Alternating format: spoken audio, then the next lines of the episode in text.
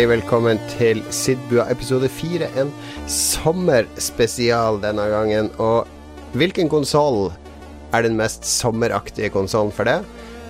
For meg er det definitivt Sega Dreamcast. Det kan ha med med den der um, oransje spiralen som er på lokket til en maskin. Eh, veldig sånn solaktig symbol.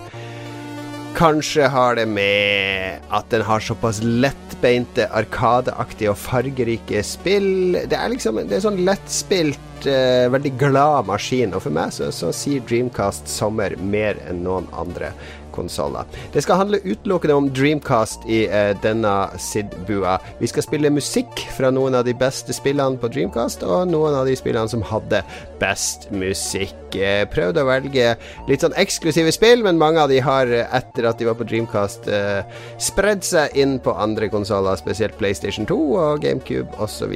osv. Jeg velger å starte med det verste.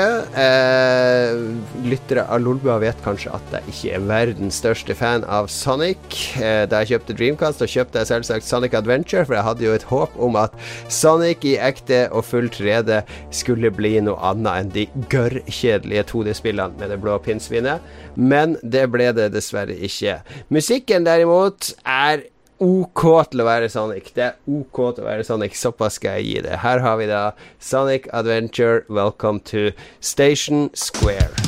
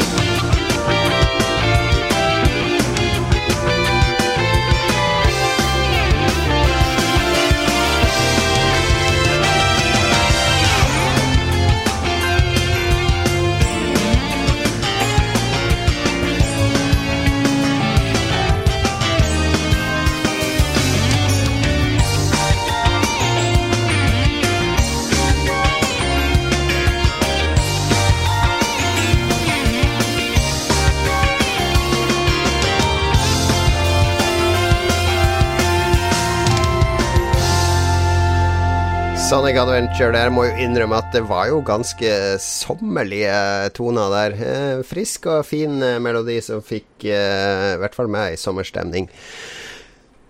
Vi skal videre til Sega sine Arkadespill, fordi eh, Dreamcast og Sega på den tida Sega var jo en veldig stor produsent av veldig gode Arkadespill. Og når det gjaldt hjemmekonsoller, så handla det ofte om å få til Arkadeperfekte konverteringer. Og her briljerte virkelig Dreamcast. Uh, Crazy Taxi var f.eks. et Arkadespill som var helt perfekt på Dreamcast. Skulle gjerne spilt musikk fra det, men det er basically hele Crazy Taxi-soundtracket er vel bare en eneste stor uh, offspring-CD, så det tar jeg ikke sjansen på. Jeg har tatt et annet, litt mindre kjent arkadespill for å representere akkurat denne sida av Sega, nemlig 18 Wheeler. 18 Wheeler var eh, rett og slett en lastebilkjøresimulator der du skulle kjøre fra New York til uh, vestkysten. Uh, og uh, spillet var kanskje ikke like fengende som Crazy Taxi, men teknisk sett så var det imponerende for sin tid. Uh, selv om Eurotruck Simulator nok er et mye bedre lastebilspill, sett med dagens øyne. Soundtracket var i hvert fall ganske moro. Her hadde de nemlig laga sine egne amerikanske radiostasjoner, som spilte americana og litt country og western. Good morning, New York!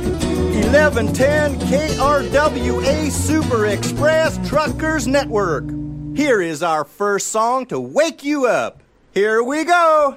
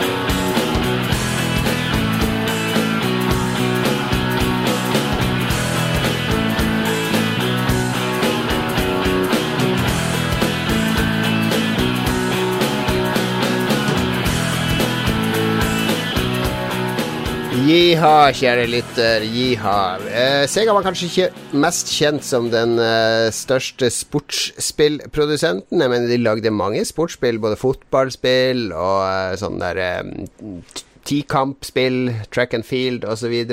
Men det absolutt definitivt beste sportsspillet Sega noen gang har laga, er Virtua Tennis. Virtua Tennis-serien som debuterte på Dreamcast, eh, var en helt genial sportsspillserie. Altså, det var basically tennis, men de hadde lagt til noe ekstra. Opprinnelig var det et arkadespill, så det var liksom et én mot én eller to mot to arkadespill der man spilte tennis mot hverandre. Men for å gjøre gi litt mer dybde til hjemmeversjonen av spillet, så la de til en karrieremodus der du kunne trene deg opp i ulike ferdigheter ved å f.eks. slå eh, tennisballene på blinka, eller mot bevegelige mål, eller velte sånne eh, pappesker som sto stabla opp på andre sida av banen. Og disse minispillene, disse skill-spillene som du brukte for å bli en bedre tennisspiller, var dødsmorsomme. Så Virtua Tennis på eh, Dreamcast hadde kanskje ikke verdens beste soundtrack. Du vet hva som kommer nå? Jepp. Mer elgitarer, mer power music. Akkurat denne låten er garantert den beste på soundtracket. Vi hører på The Power fra Sega Nei, Virtua Tennis.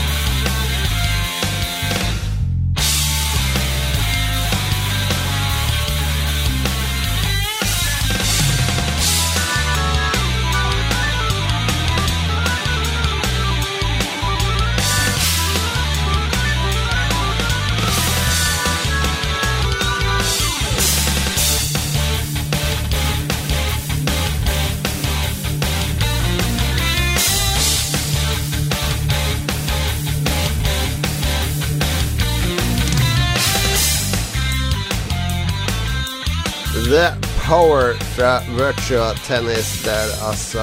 Hvilket spill? Det fikk flere oppfølgere, og det var vel uh, toeren som var best, så vidt jeg husker. Det er lenge siden der. Dreamcast var ikke bare en, en maskin med kule arkadeports, eller perfekte arkadeports. Det var også en ganske innovativ maskin på mange områder. Den hadde, hadde bl.a.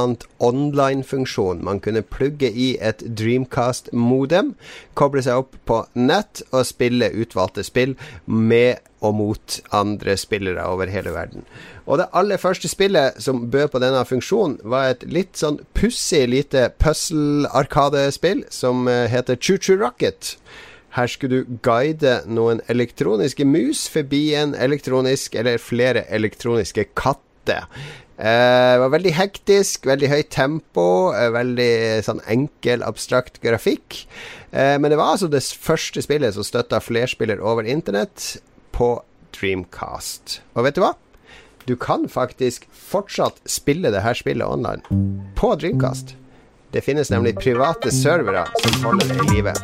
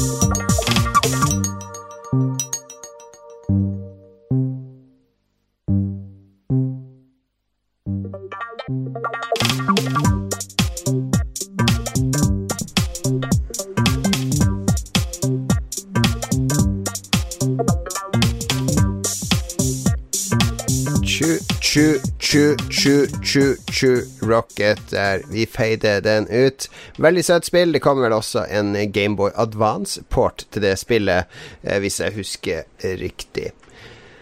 Nå skal vi til England, til et eh, studio som uh, jobber tett med Sega på denne tida, nemlig Bizarre Creations. Uh, Bizarre Creations fikk nemlig oppdrag fra Sega å lage et sånn gateracing-spill. Um, og de lagde da et spill som de kalte for Metropolis Street Racer.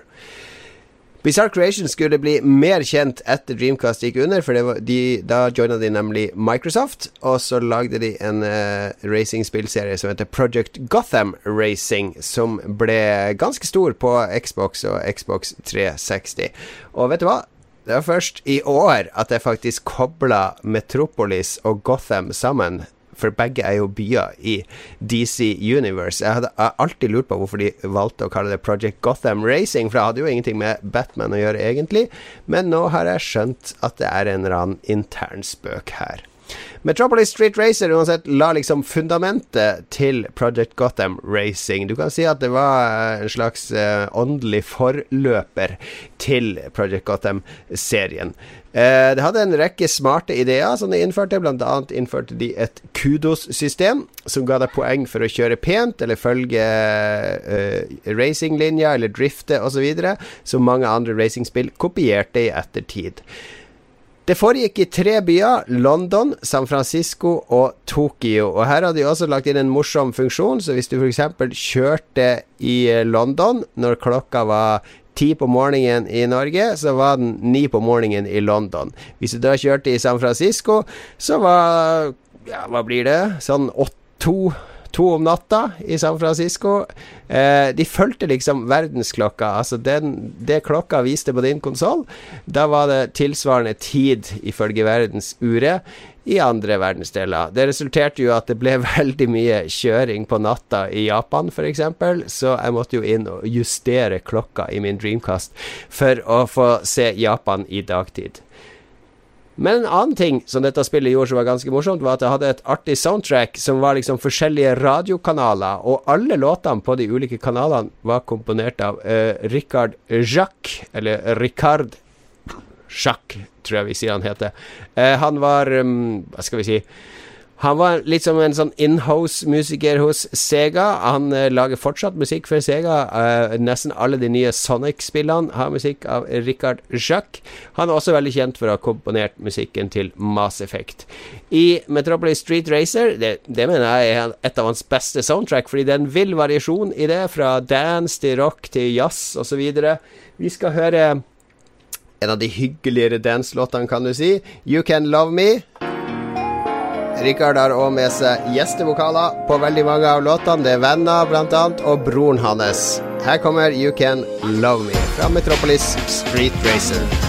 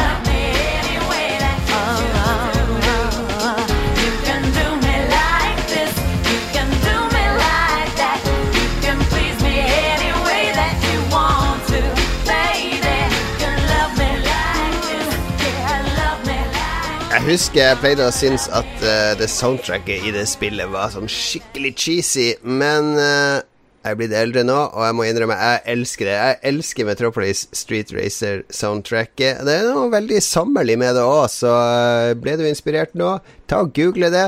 Ta og Finn det, sett det på, nyt en drink ute i sola, og hør på Rikard Jacques sine toner fra Metropolis Street Racer. Vi skal ikke forlate han godeste Richard eh, med en gang. Eh, han komponerte, til, eh, komponerte, musikk til flere Dreamcast-spill, deriblant Headhunter. Headhunter er litt sånn glemt eh, kultspill som opprinnelig dukka opp på Dreamcast, og det ble vel også porta til PlayStation 2. Det var utvikla av et svensk studio som jeg tror heter Amuse, eh, og var litt sånn third person eh, snike-actionspill som foregår i en ikke så fjern fremtid. Spillskaperne sjøl påsto at uh, verden var veldig inspirert av Paul Verhoven sine sci-fi-filmer, og det er jo uh, noe som Det burde jo være en god inspirasjon. Jeg husker jeg spilte Headhunter. Uh, jeg ble litt satt ut av at du måtte kjøre motorsykkel mellom de ulike oppdragene, for den motorsykkelkjøringa det var ikke helt uh, patent, altså. Men selve snikinga og oppdragene og storyen var ganske så bra. Så uh, er du den som liker å grave frem litt sånne obskure kultklassikere, se om du klarer å grave opp Headhunter, enten til PlayStation 2 eller Dreamcast, og så kan du spille et spill som har et uh, voldsomt bra soundtrack. Det har det. vi skal høre Jack sitt tema, igjen komponert av Richard Jacques. Uh, her hører vi litt, det er kanskje litt inspirasjon fra litt av hvert av filmmusikk. Uh, vi ser, hører litt James Bond, litt Indiana Jones, litt uh, hva enn du tenker om en helt i en film eller et spill. Du kjenner det igjen i dette soundtracket.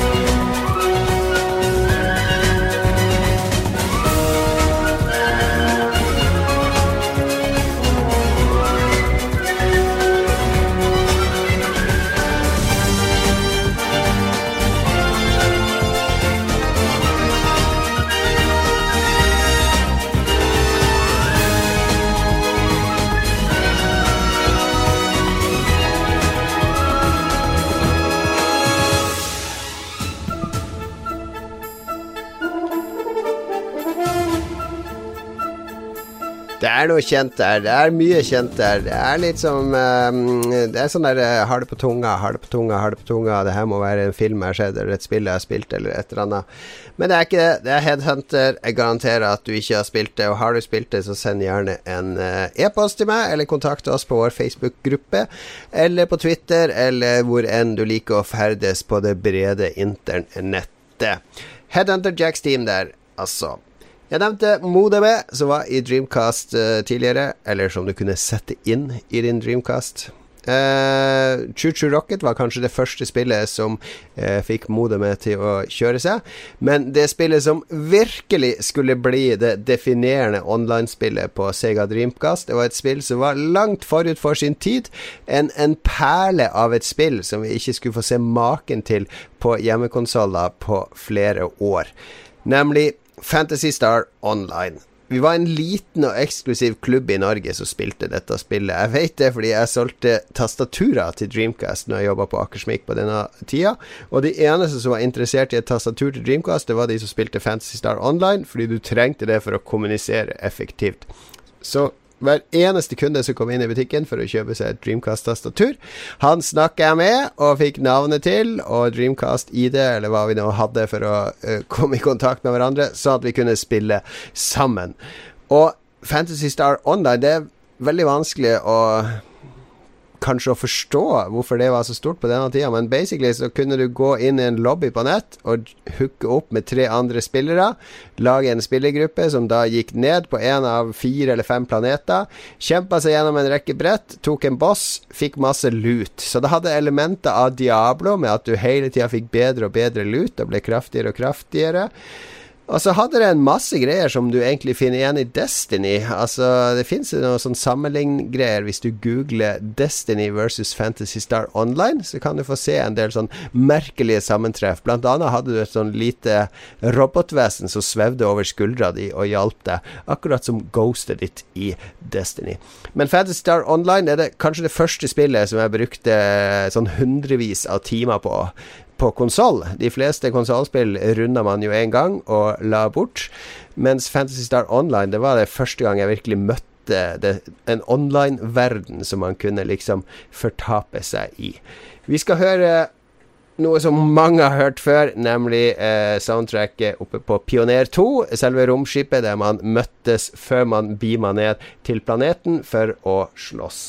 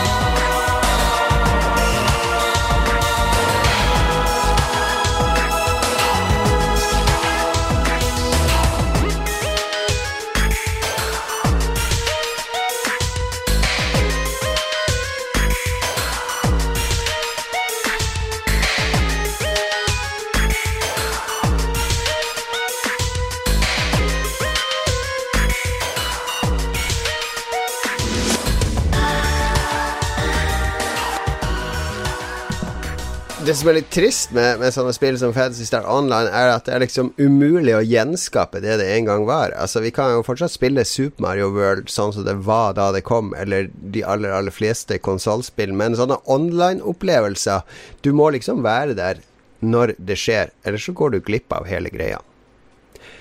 Spillet som kommer nå, det kan du fortsatt spille i nøyaktig samme prakt som det hadde da. For det her er et spill som faktisk har holdt seg uforskamma godt. Jeg snakker om Soul Caliber. En grafisk revolusjon da det dukka opp på Dreamcast. Det er ikke det første spillet i serien. Det første spillet var Soul Edge, eller Soul Blade, som først dukka opp eh, i Arkadehallene, og så i en PlayStation 1-versjon, som så ganske bra ut til å være PlayStation 1. Men så var det Soul Caliber, da, som dukka opp på Dreamcast, og det var et hav av forskjell mellom Soul Edge på PlayStation 1 og Soul Caliber på Dreamcast. Det fløyt helt silkemykt, og det hadde en amazing grafikk. Det var en masse PlayStation-fans som begynte å spille konsoll med PlayStation. Og de så Soul Caliber, og de tenkte 'herregud, går det an å lage så bra grafikk'? Ja, sa jeg bak kassa på Akersmik. Konsollen er her nå. 3000 kroner, så kan du dra hjem og spille det der.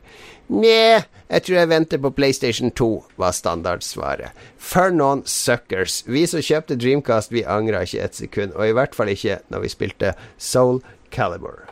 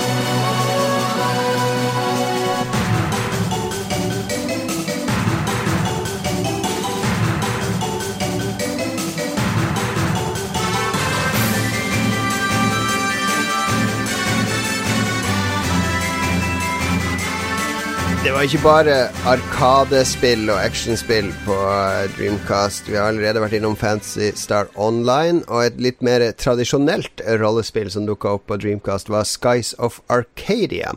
Skies of Arcadia fikk en voldsom god mottakelse. Dette var i den tida da Final Fantasy-serien liksom hadde vekka liv i de japanske rollespillene i Vesten, og Skies of Arcadia hadde trykka på alle de riktige knappene. Her var man rompirater eh, i flyvende gamle gallioner oppe i eh, himmelen, som fløy mellom flyvende øyer, som man kunne lande på, utforske og gå i dungeons osv. osv.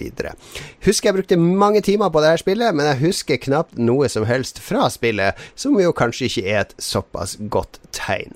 Det jeg husker, var at utforskinga gikk relativt treg, og det var uendelig mange kamper. Ganske seige greier, med andre ord.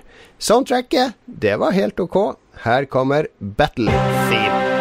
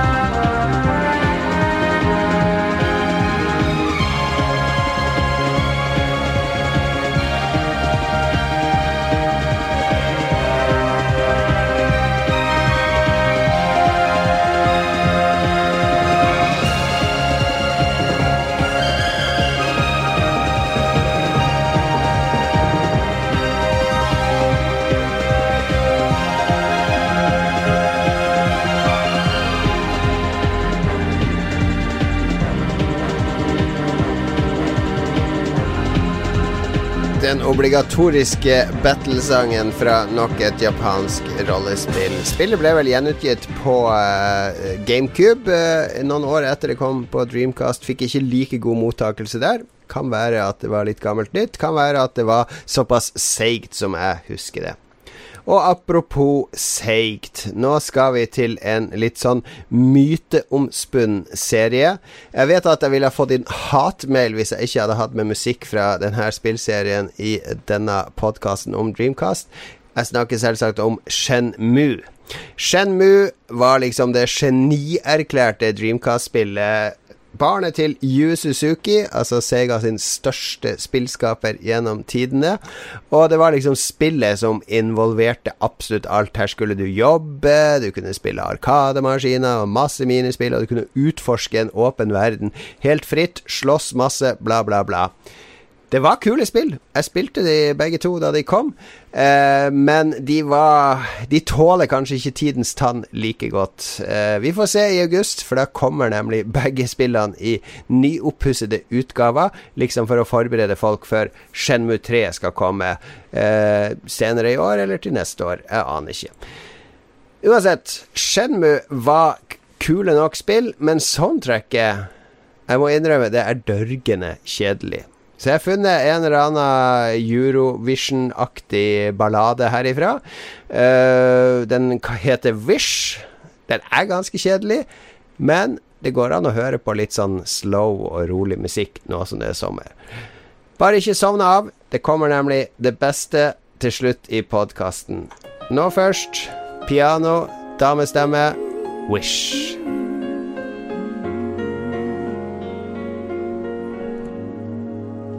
つかみた夢のようになでて通り過ぎる海へつながるほど潮の香り。運ぶよ。愛しさが優しい嘘。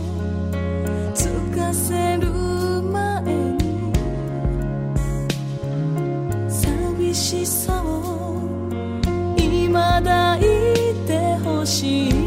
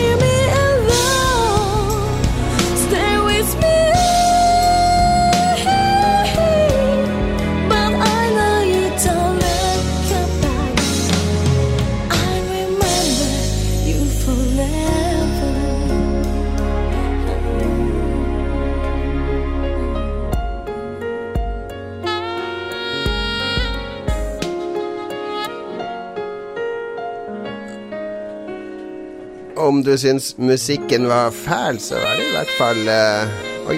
Så var det i hvert fall litt sånn English å, å kose seg med inni der. Wish, altså, der fra Shenmue. Eh, sorry at jeg gjør narr av Altså Hvis du har brukt denne sangen som bryllupssang eller et eller annet, så good for you. I mean, jeg mener Jeg skal ikke gjøre narr av noen for at de liker sånn her musikk. Jeg syns det er litt kjedelig, men det er jo Shenmue, herregud, og Shenmue hadde ikke vært uh, det det var uten at det hadde the feels i alle lag og alle kanaler.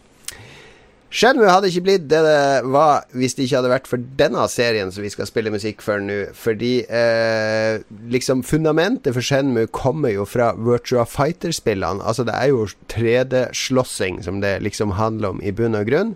Eh, denne helten som rusler rundt og havner i slåsskamp eh, gang på gang. Og Virtua Fighter-serien eh, var jo en av Sega sine store flaggskipsserier på 90- og starten av 2000-tallet.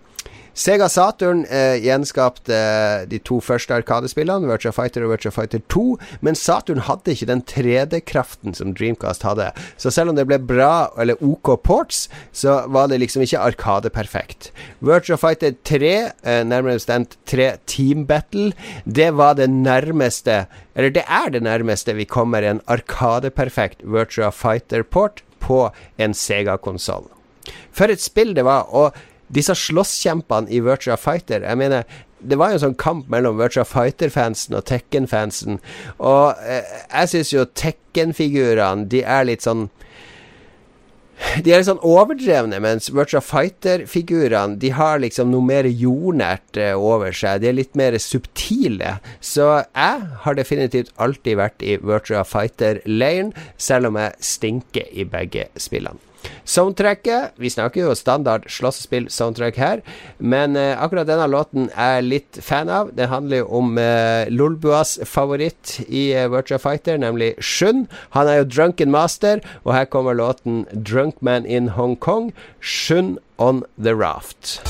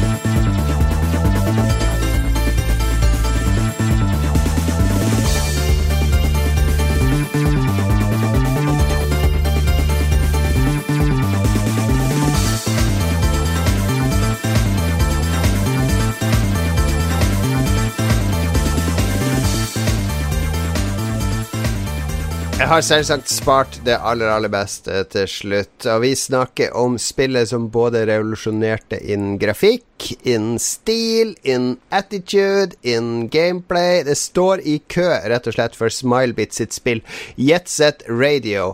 Det var kanskje ikke verdens første selvshada spill, men det var det peneste selvshada spillet til da. Og det hadde en attitude og uh, en holdning som, som bare skreik originalitet og uh, cool kid on the anime street. Herregud, for et trasig uttrykk. Beklager det. Uh, Jet Set Radio det var et spill der du skulle gå på rollerblades, og du skulle tagge i en eller annen fiktiv storby med politiet i hælene, og du kunne grinde langs lange stenger. Og du kunne stoppe, og så måtte du spraye en vegg, og så måtte du løpe videre. Alt var akkompagnert av tidenes spillsoundtrack. Vi snakker topp fem spillsoundtrack noen gang her, ledet av DJ Professor K, som spredde ut eh, de mest urbane, hippe rytmene over byen fra sin piratradiostasjon.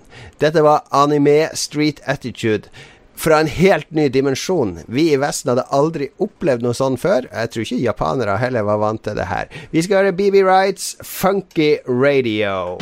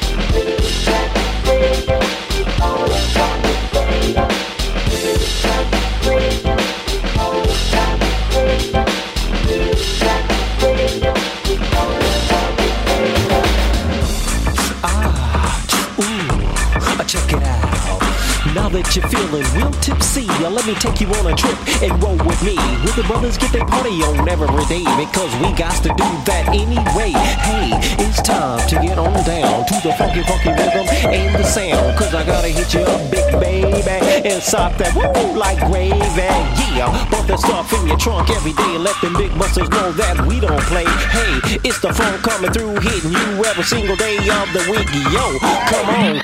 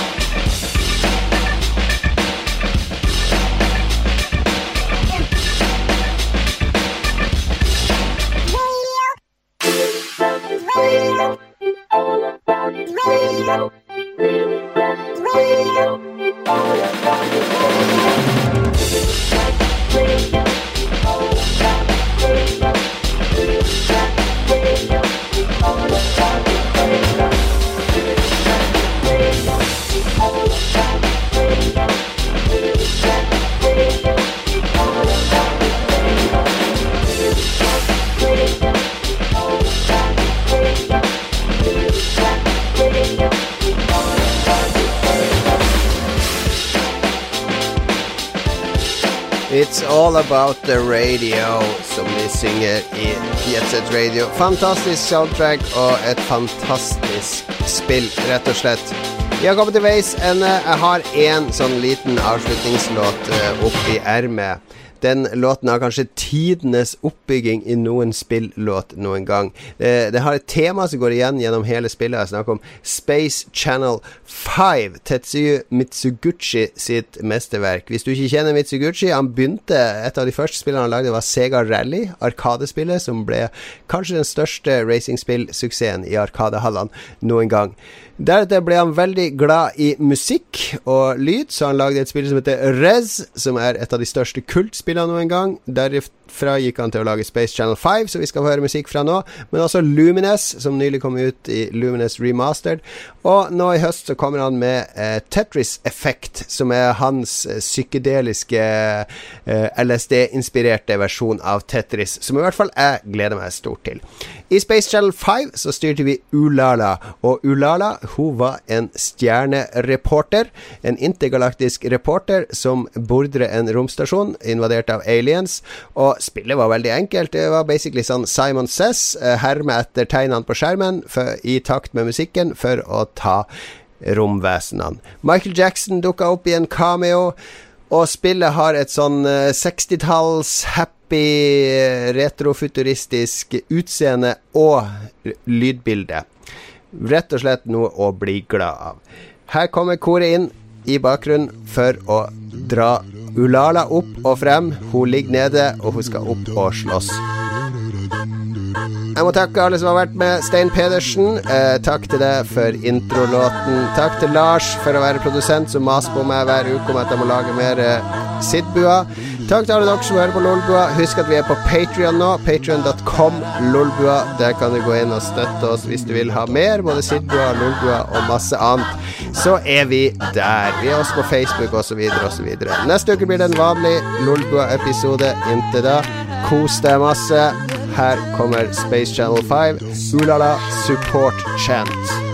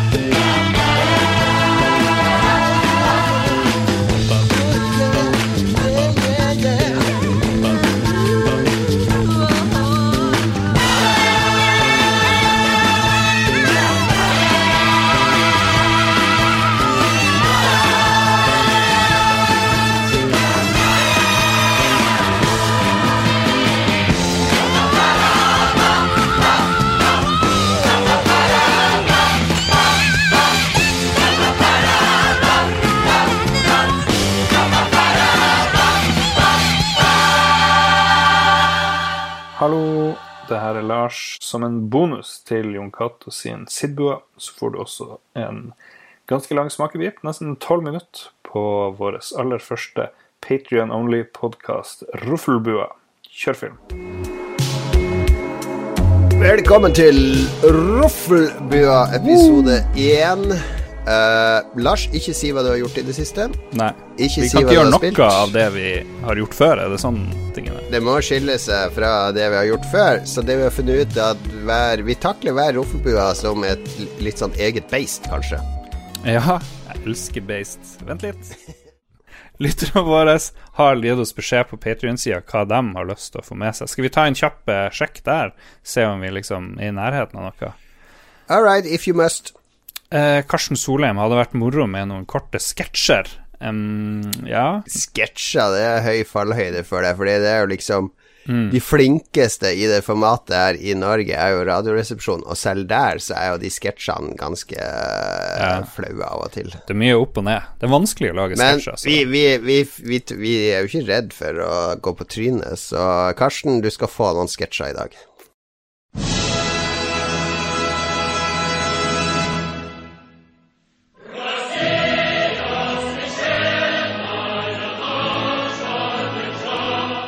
Welcome to Helsinki, Mr. President. Great country, great people, wonderful people, great country, a lot of lakes, really a lot of lakes, almost as many as Chicago. This could one day be your winter home, you know, Mr. President. It could be, it could be. I mean, if if the U.S. decides we go in and take Finland, we do it. I understand you guys tried that under uh, Second World War. You got your asses kicked. Well, that was before we start uh, relations with people from your country, like Steven Seagal. Do you know Steven? Oh yes, oh yes. Steven Seagal, great friend of mine, good friend of mine, wonderful man, wonderful person, really good. He's probably the, the, the most dangerous man alive right now. His fists, you know, his fingers, they can kill. Yes. His fingers, you can see one finger, two finger. I don't know how many fingers he need. America, Yes. the USA, we invented the horse. We invented Oh. horse riding. We mastered that a long time ago. Are you I sure? see you Russian guys, you only know learning how to ride a horse. That's great. Well- That's good. You might catch up yes. one day. Do you like NATO, Mr. President? You know, I like that guy Jens. I like that guy Jens Stoltenberg. Oh. Yeah, you know, I tell him jump, and he say ho high. But we can we can forget about NATO. Let's let's have big deal. Me and you, you know, we get you get the Russian pipeline uh, contracts. We get rid of NATO. Let's forget about NATO. Come on. I like the sound of that, the Russian pipeline. But you know, the American people won't like it. Can we change the name to, you know, like uh, uh, a pipe in the ass line or something? yes, yes, President. Pipe in ass. That's my favorite. Good. pipe in Let's- ass. let's- give me the document. I'll sign it. Pipe in ass. Give me that pipe. Give me that pipe up the Okay, ass. okay. Call in Mr. Seagal. We're ready for his show. Bring in the small boys and Mr. Seagal now.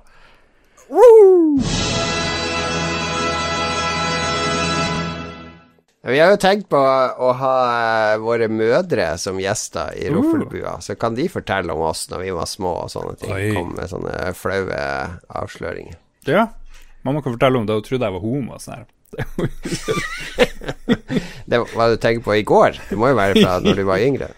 Jeg synes det var det. Jeg har ikke noe imot at folk tror jeg er homofil. Det er helt, helt greit. Det, jeg har ei tante på Facebook, hun tror jeg det. Så det fordi jeg tror ikke Ja, fordi jeg sendte ut Jeg delte bilder av meg og deg på et hotell i eh, Los Angeles. Så bare Ja, skrev nettopp. Så skrev jeg uh, se på det! Ja, nå er det jo meg, da. Her, hvem er jo Ja. tante her? Hun må jeg snakke med. Men jeg vet ikke. Vi, kan, vi sier det her er en slags intro. Sier at her blir det gøy. Uh, vi begynte liksom Vi starta her, det blir masse innslag, og så blir det en litt Eller en Jeg vet ikke om det blir lengre, men det blir nå en sekvens med, med vår utvida redaksjon. Nei, snurrfilm, snurrfilm. Roffelbua 001 is go. Kjør på. Jeg liker at du sier 001, akkurat som det kommer til å bli 100. Over 100 av det. Jeg tenkte på det 100 måneder. Det er 10 år. Det er, ti, det er 9 år med lorta.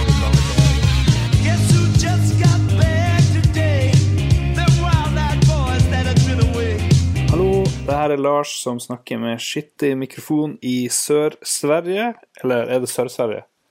Ja. ja. Her holder jeg og min bror blant annet på med Du gråter, barn. Da kan vi spille Tekken.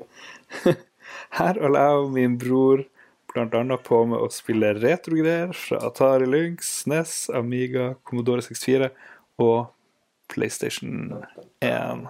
Og det her er når vi ikke dør av hete.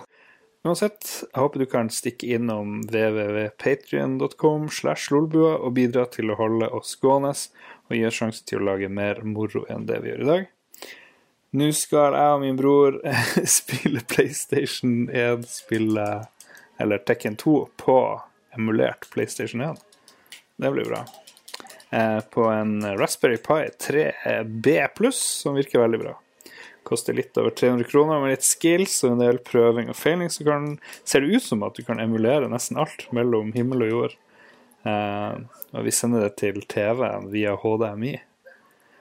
Ekte hardware er helt genialt, men av og til så vil man ikke jukke med komposittkabler og kondensatorer og sånne ting. Noe som fungerer hele tida, er vår nye podkast Roffelbua, som du akkurat nå hører utdrag fra, hvis jeg klarer å slutte å snakke. Hvis du støtter oss med 10 dollar, så får du tilgang til hele greia. Andre rewards er brev fra Jon Cato hver uke og mye mer. Da fortsetter vi med flere høydepunkter fra showet, som varer i over to timer. Enjoy. Så var det det. Um, Mats, har du, har du noe du har irritert deg over? Ja, jeg har på. en stadig vekk uh, ei ganske lang liste over, over ting jeg irriterer meg med over. Men eh, hva er greia med hvorfor, hvorfor har ikke batteriteknologien kommet lenger? Jeg måtte lade Nokia-telefonen min en gang i uka. Jeg vil lade Samsung-telefonen min en gang i uka. Jeg vil ha bedre Jeg vil ha mye kraftigere batteri. Men det er jo veldig enkelt, Mats. Det er jo bare å doble, tredoble vekta på mobilen, så får du jo Ja. det du er ute etter. Ja, men Mats vil ha til- teknologien bedre, sånn at du ikke Nei, gjør det. jeg vil, jeg vil ikke ha større batteri, Lars. Du Nei, du, jeg vil ha bedre du vil ha bedre teknologi, ja. Ja. Ja, men det, det får du ikke. Så, men hvis du vil mene alvor med at du vil kun lade en gang i uka, så kan du få spesialbygde, feite, svære batteri. Ser ut som en litt sånn stor jeg vet ikke, C4-pakke liksom med display på, som du kan bli tatt med på flyplassen. Tenk hvis du kommer med det, den greia og skal inn i flyet. Det er powerbank du refererer til nå, Lars. Nå vekker du vonde minner fra barndommen, Lars. Fordi jeg ønska meg en sånn Eriksson-mobil en gang til jul. Og så pakka jeg opp. Og så hadde jeg fått en sånn Motorola-mobil Sånn kjempesvær murstein hvor du dro ut antenna på. Og den brukte vanlige batterier. Vanlige AA-batterier. Nei! Jeg, var- jeg liksom begynte å grine. Syntes det var helt forferdelig. Ville ikke bli sett med den her. Dra ut en svær antenne og liksom lade opp AA-batteriene mine og bruke den. Men sånn kunne Mats hatt. On the go. Bare stikke innom bensinstasjonen, kjøpe nye batterier. Bare. Men Mats har jo poeng. Det har jo ikke skjedd noe med de AA-batteriene, apropos det. Ja, nettopp. De òg. Det, det viser jo, det er et godt eksempel på hvor lite som har skjedd med batterier. De holder like kort eller like lenge. Mm. Så jeg tror eh, Jeg vet at ly lyspæreindustrien var jo tidlig ute med å eh, gjøre sånn at lyspæren bare lever så og så lenge, sånn at folk må gå og kjøpe nye. Og jeg tror akkurat det samme er med batteri. For hvis de hadde lagd sånne megabra batterier som varer lenge, og så du ikke trenger å bytte ut hele tida, så hadde noen tapt veldig mye penger på det. Så jeg tror det der Det er er en korrupsjon eller en sånn konspirasjon bak her. Ja, planned Ja. Big, ba Big Battery sitter og Mm. styrer Big batteries. Det, dere hørte det her først. vi, kommer til å lage en, en, en sånn superspesial artikkel. Lars kommer til å skrive den. Det kommer til å være sånn 20 sider med bilder. Stakkars Lars. Mm. Men hvis du egentlig hadde trengt det her, så hadde du jo fiksa det kjempefort. Så jeg synes det er Jeg føler ikke at du trenger det nok, for det her er et problem du kan løse sjøl. Men eh, ok. Nei, men altså, jeg vil, du, du sier at jeg kan løse det Skutt med, å, med sånn sykt upraktiske ting. Jeg kan jo ikke gå rundt med en murstein i lomma, Lars. Jo! Det er jo et Her går det ikke dere rundt med en murstein forslag. i lomma allerede? Nei, nettopp. Jeg har, jeg har små lommer, Lars. Siden dere er helt nye, nesten Dag Thomas, du er helt ny. Kristian, nesten helt ny. Så kan vi jo ta en liten, eh, en liten historisk reise eh, tilbake til fortida. Eh, far og mor har nettopp funnet ut at det er på tide å få barn. Kanskje det var et uhell. Kanskje det var eh, kriminelle, ting. Eh, vi vet ikke, vi dømmer ingen. Men dere kom nå Antyda du nettopp at mødrene til en av de ble voldtatt, Lars? Jeg kan si 100% helt sikkert hvordan jeg ble unnfanga, for den historien har jeg hørt. Ja. Ja, altså, I min familie så deler vi alt. Pappa Ja. skulle på fotballtrening, så han tok mamma kjapt i trappa. Fast forward ni måneder, jeg er til. Oi. Du er et, Oi. et trappebarn. Nei, for satt jeg hadde feira bursdag, og så hadde jeg et sånn der sengesett med sånne roser og noen blondekanter på. og da var jeg kanskje sånn 17-18 år. Jeg syntes jeg var kjempefin, så spurte tanta mi liksom sånn Ja, hvorfor liksom, har du sånn blondekanter på? Sånn, er ikke det litt rart? Så sier jeg nei, for det, det er der jeg ble unnfanga, sier jeg ved tull. Og da kom mamma inn. Hei, nei! Faren din tok meg i trappa rett før han skulle på trening. Så kan du aldri glemme når du går forbi den trappa.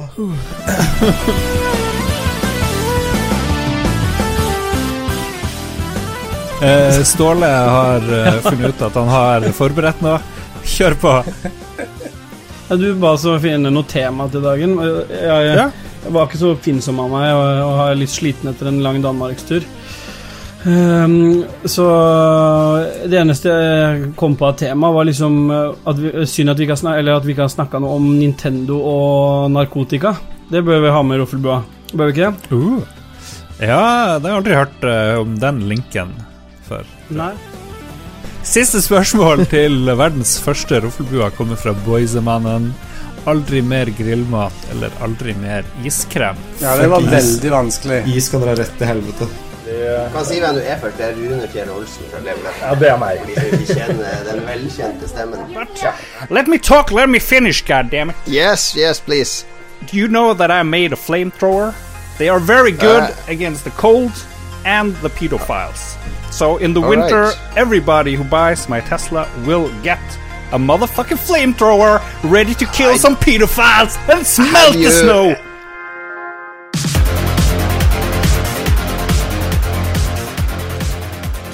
Det var utdrag fra to timer pluss eh, Roffelbua, som sagt tidligere. Du får høre hele greia hvis du går til www.patrion.com slash lolbua og støtter oss med noen kroner. Takk for oppmerksomheten. Si ha det bra, bror. Har du et enkeltpersonforetak eller en liten bedrift? Da er du sikkert lei av å høre meg snakke om hvor enkelt det er med kvitteringer og bilag i fiken, så vi eh, gir oss her, vi. Fordi vi liker enkelt. Fiken superenkelt regnskap.